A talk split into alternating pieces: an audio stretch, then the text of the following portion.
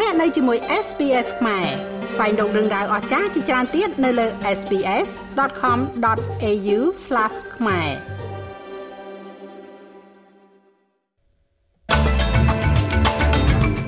រដ្ឋាភិបាលកំពុងតែប្រញាប់ប្រញាល់ធ្វើវិសោធនកម្មលើច្បាប់ទំនាក់ទំនងឧស្សាហកម្មដែលទើបតែអនុម័តថ្មីទេសាភិបាលធនាគារកណ្ដាលប្រឈមទៅនឹងការចោទសួរនៅគណៈកម្មាធិការសភា តម្លៃផ្ទះសម្បែងនៅក្នុងតំបន់ជនបទអូស្ត្រាលីកំពុងឡើងថ្លៃដល់កម្រិតកំណត់ត្រារ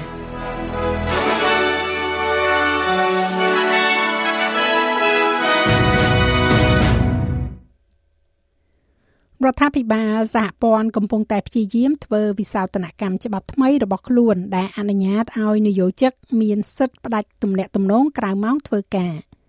ក្រៅពីថ្ងៃប្រហ័សម្សិលមិញនេះ រដ្ឋាភិបាលប៉ា Labor ទទួលបាននូវការគ្រប់គ្រងពីសភានិងអនុម័តច្បាប់ការពារនយោជិកដែលត្រូវបានដាក់ទណ្ឌកម្មចំពោះការមិនអើពើឆ្លើយឆ្លងការងារនៅក្នុងពេលវេលាផ្ទាល់ខ្លួនរបស់ពួកគេសេចក្តីព្រៀងចុងក្រោយនៃសេចក្តីព្រៀងច្បាប់ដែលបានអនុម័តនៅសភាកាលពីម្សិលមិញនេះបានធ្វើឲ្យមានការព្រួយបារម្ភពីក្រមធុរកិច្ចព្រោះថាការពិន័យមួយក្នុងចំណោមការពិន័យជាច្រើនចំពោះថៅកែនោះគឺការជាប់ពន្ធនាគារ រដ្ឋមន្ត្រីក្រសួងការងារនិងទំនាក់ទំនងកន្លែងការងារលោក Tony Berg បានទទួលស្គាល់ថារដ្ឋាភិបាលចាំបាច់ត្រូវដកទណ្ឌកម្មនោះចេញពីច្បាប់នេះវិញ These laws about industrial relations are about making sure that ច្បាប់ទាំងនេះស្ដីអំពីទំនាក់ទំនងឧស្សាហកម្មគឺស្ដីអំពីការធ្វើឲ្យប្រកាសថាមនុស្សដែលទៅធ្វើការមិនត្រូវបានទទួលការចាត់ចែងឬក៏ចាត់ទុកជាទំនិញនោះទេ មានការផាកពិន័យនៅក្នុងទង្វើនេះចាប់តាំងពីនេះ ចាប់តាំងពីច្បាប់នេះបង្កើតឡើងមកខ្ញុំមិនច្បាស់ទេឆ្នាំ1907ប៉ុន្តែបញ្ហានៃការដាក់ទោសប្រមទ័នយើងទទួលស្គាល់ថាគួរតែត្រូវបានបញ្ជាក់ឲ្យបានច្បាស់ទេសាភិបាលធនាគារកណ្ដាលលោកស្រី Michelle Bullock បានទទួលស្គាល់ថាអតិផរណាខ្ពស់នៅតែជាបញ្ហាប្រឈមដូចគ្នានឹងសម្ពាធថ្លៃចំណាយនៃការរស់នៅផងដែរ។ លោកស្រីប៊ូឡុកកំពុងបង្ហាញខ្លួននៅចំពោះមុខគណៈកម្មាធិការសភានៅទីក្រុង Canberra ដោយឆ្លើយសំណួរអំពីការសម្រេចចិត្តលើអត្រាកាសប្រាក់ One thing that has not changed since our previous hearing in 2023 is the challenge អ្វីដែលមិនផ្លាស់ប្ដូរចាប់តាំងពីសវនាការមុនរបស់យើងក្នុងឆ្នាំ2023នោះគឺជាបញ្ហាប្រឈមដែលបង្ហាញឡើងដោយអតិផរណាខ្ពស់យើងទាំងអស់គ្នានៅតែដឹងយ៉ាងច្បាស់ថាថ្លៃចំណាយនៃការរស់នៅកំពុងកើនឡើងលឿនជាងអ្វីដែលធ្លាប់កើតឡើងក្នុងរយៈពេលប្រមាណទសវត្សរ៍ថ្មីៗនេះ។ ហើយវាត្រូវបានបង្ហាញឲ្យឃើញក្នុងរយៈពេលប្រមាណឆ្នាំចុងក្រោយនេះតាមរយៈទំនិញនិងសេវាកម្មចាំបាច់ជាច្រើនដែលយើងទាំងអស់គ្នាទិញប៉ុន្តែក្នុងនោះក៏មានទំនិញនិងសេវាកម្មជាច្រើនផ្សេងទៀតដែលយើងអាចចាត់ទុកបានថាជាការសម្រេចចិត្តជ្រើសរើសចាយច្រើនជាង។ ABA បានរក្សាទុកអត្រាការប្រាក់របស់ខ្លួនដោយមិនធ្វើការផ្លាស់ប្ដូរឡើយនៅកម្រិត4.35%នៅដើមសប្តាហ៍នេះដែលបង្កើនក្តីសង្ឃឹមដល់អ្នកដែលមានប្រាក់កម្ចីថាអត្រាការប្រាក់ឡើងដល់កម្រិតកំពូលហើយគណៈពេលដែលអតិផរណាបាននឹងកំពុងតែធ្លាក់ចុះវានៅតែខ្ពស់ជាង2ទៅ3%ដែល ABA ប្រាថ្នាចង់បាន។ អភិបាលរដ្ឋជាច្រើនបានអំពាវនាវឲ្យធនាគារកណ្ដាលកាត់បន្ថយអត្រាការប្រាក់ដើម្បីបន្ធូរបន្ថយសម្ពាធលើថ្លៃចំណាយការរស់នៅរបស់ប្រជាជនរដ្ឋមន្ត្រីក្រសួងហិរញ្ញវត្ថុបានច្រានចោលការអះអាងរបស់បកប្រឆាំងដែលថារដ្ឋាភិបាលកំពុងពិចារណាផ្លាស់ប្តូរច្បាប់នៃការកាត់កងចំណាយសម្រាប់អចលនទ្រព្យជួល negative gearing ច្បាប់ negative gearing គឺអនុញ្ញាតឲ្យវិនិយោគិនកាត់កងពន្ធសម្រាប់ការខាតបង់ពីទ្រព្យសម្បត្តិជាមួយនឹងប្រាក់ចំណូលដែលប្រើជាទូទៅបំផុតសម្រាប់ការវិនិយោគលើអចលនទ្រព្យគណៈបកប្រឆាំងកំពុងប្រមានថាសម្បទានពន្ធអាចត្រូវបានពិចារណាឡើងវិញដោយចង្អុលទៅលើការក្រឡាស់សម្ដីរបស់រដ្ឋាភិបាលបក Labor ទៅលើការកាត់បន្ថយពន្ធដំណាក់កាលទី3ជាផុសតាង។ សមាជិកសភា Cross Band មួយចំនួនគិតថាវាគួរតែត្រូវបានពិនិត្យពិច័យសម្រាប់ការសន្សំសំចៃប៉ុន្តែរដ្ឋមន្ត្រីក្រសួងហិរញ្ញវត្ថុលោកស្រី Kathy Gallagher បានប្រាប់គណៈកម្មាធិការសភាសំទោសគណៈកម្មាធិការព្រឹទ្ធសភាថាវាមិនមែននៅក្នុងរបៀបវិរៈរបស់បក Labor នោះទេ Treasurer has been clear the Prime Minister has been clear លោកហេរ៉ាញឹកបានបញ្ជាក់ច្បាស់ហើយលោកនាយករដ្ឋមន្ត្រីបានបញ្ជាក់ច្បាស់ហើយខ្ញុំបានបញ្ជាក់ច្បាស់ហើយវាមិនមែនជាអ្វីដែលយើងកំពុងសម្លឹងមើលនោះទេ វាមិនមែនជាអ្វីដែលយើងកំពុងធ្វើនោះទេ វាមិនមែនជាអ្វីនៅចំពោះមុខសភានោះទេ ការវិភាគថ្មីដោយវិទ្យាស្ថានអូស្ត្រាលីប្រចាំតំបន់ជនបទ Regional Australia Institute បានរកឃើញថាថ្លៃផ្ទះសម្បែងនៅក្នុងតំបន់ជនបទកំពុងឡើងដល់កម្រិតកំណត់ត្រាជាមួយនឹងតម្លៃជាមធ្យមលើសពី 605,000ដុល្លារការជួលបន្ទប់ទំនេរចំនួន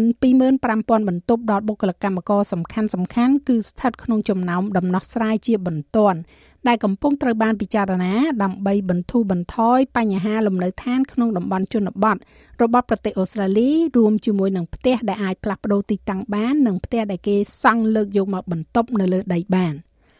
ផ្ទះទំនេរសម្រាប់ជួលក៏កាន់តែយ៉ាប់យ៉ឺនផងដែរដោយបានធ្លាក់ចុះមកនៅត្រឹម1.2%ក្នុងខែកញ្ញាខណៈដែលតំបន់ជនបទបានតាក់ទាញអ្នកស្រុកថ្មីចំនួន166,000នាក់ក្នុងប៉ុន្មានឆ្នាំថ្មីៗនេះ។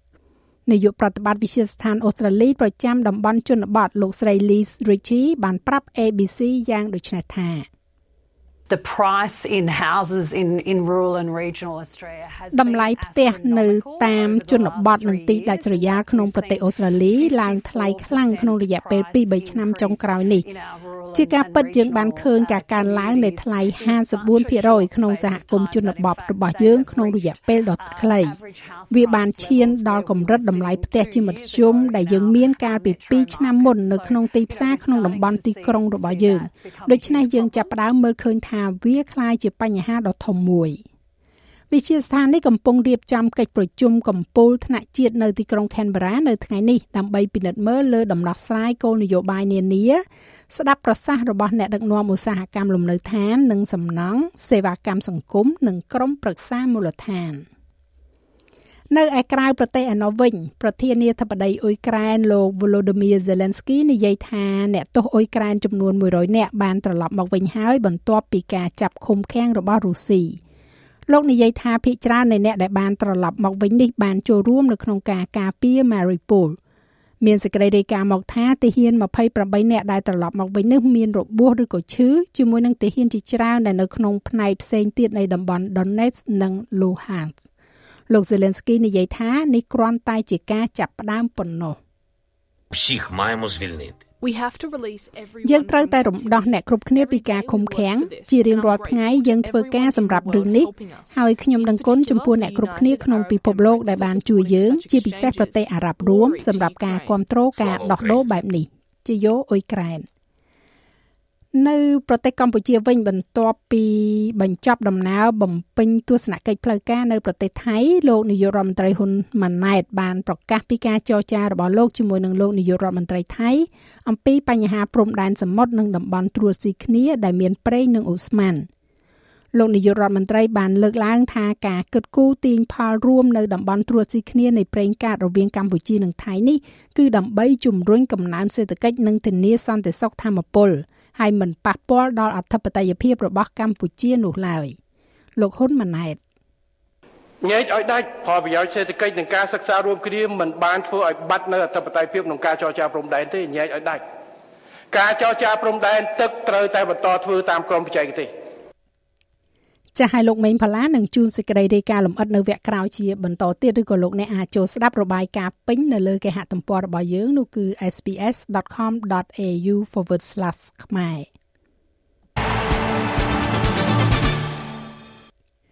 លោកនាយករដ្ឋមន្ត្រី Anthony Albanese បានប្រកាសថារដ្ឋាភិបាលសហព័ន្ធនឹងផ្ដល់ប្រាក់ចំនួន15លានដុល្លារដល់គម្រោងមួយ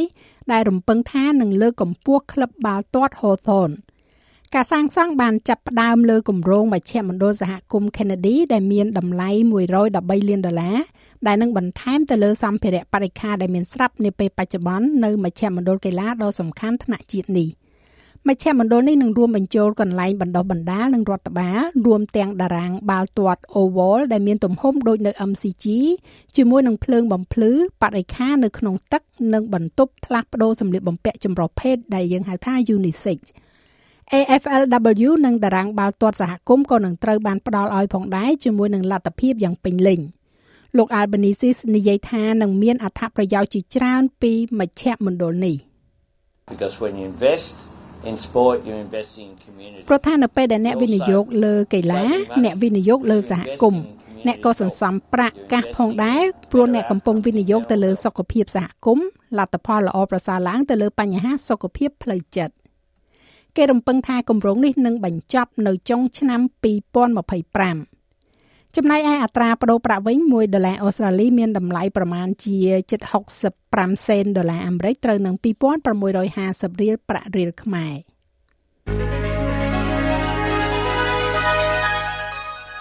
យើងក៏លេខមកមើលការព្យាករណ៍អាកាសធាតុសម្រាប់ថ្ងៃសៅរ៍ស្អែកនេះវិញ នៅទីក្រុងផឺតបើកថ្ងៃ41អង្សា នៅអាដាលេដបើកថ្ងៃដែរ31អង្សា នៅមែលប៊នមានពពកដោយពេល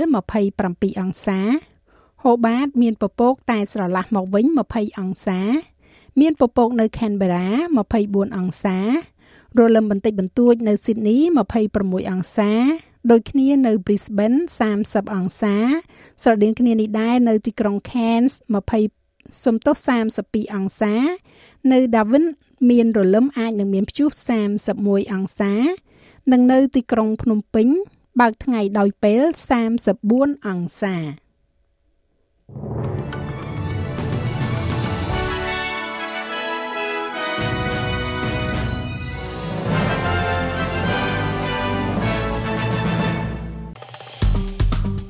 ចុច like share comment និង follow SPS ខ្មែរនៅលើ Facebook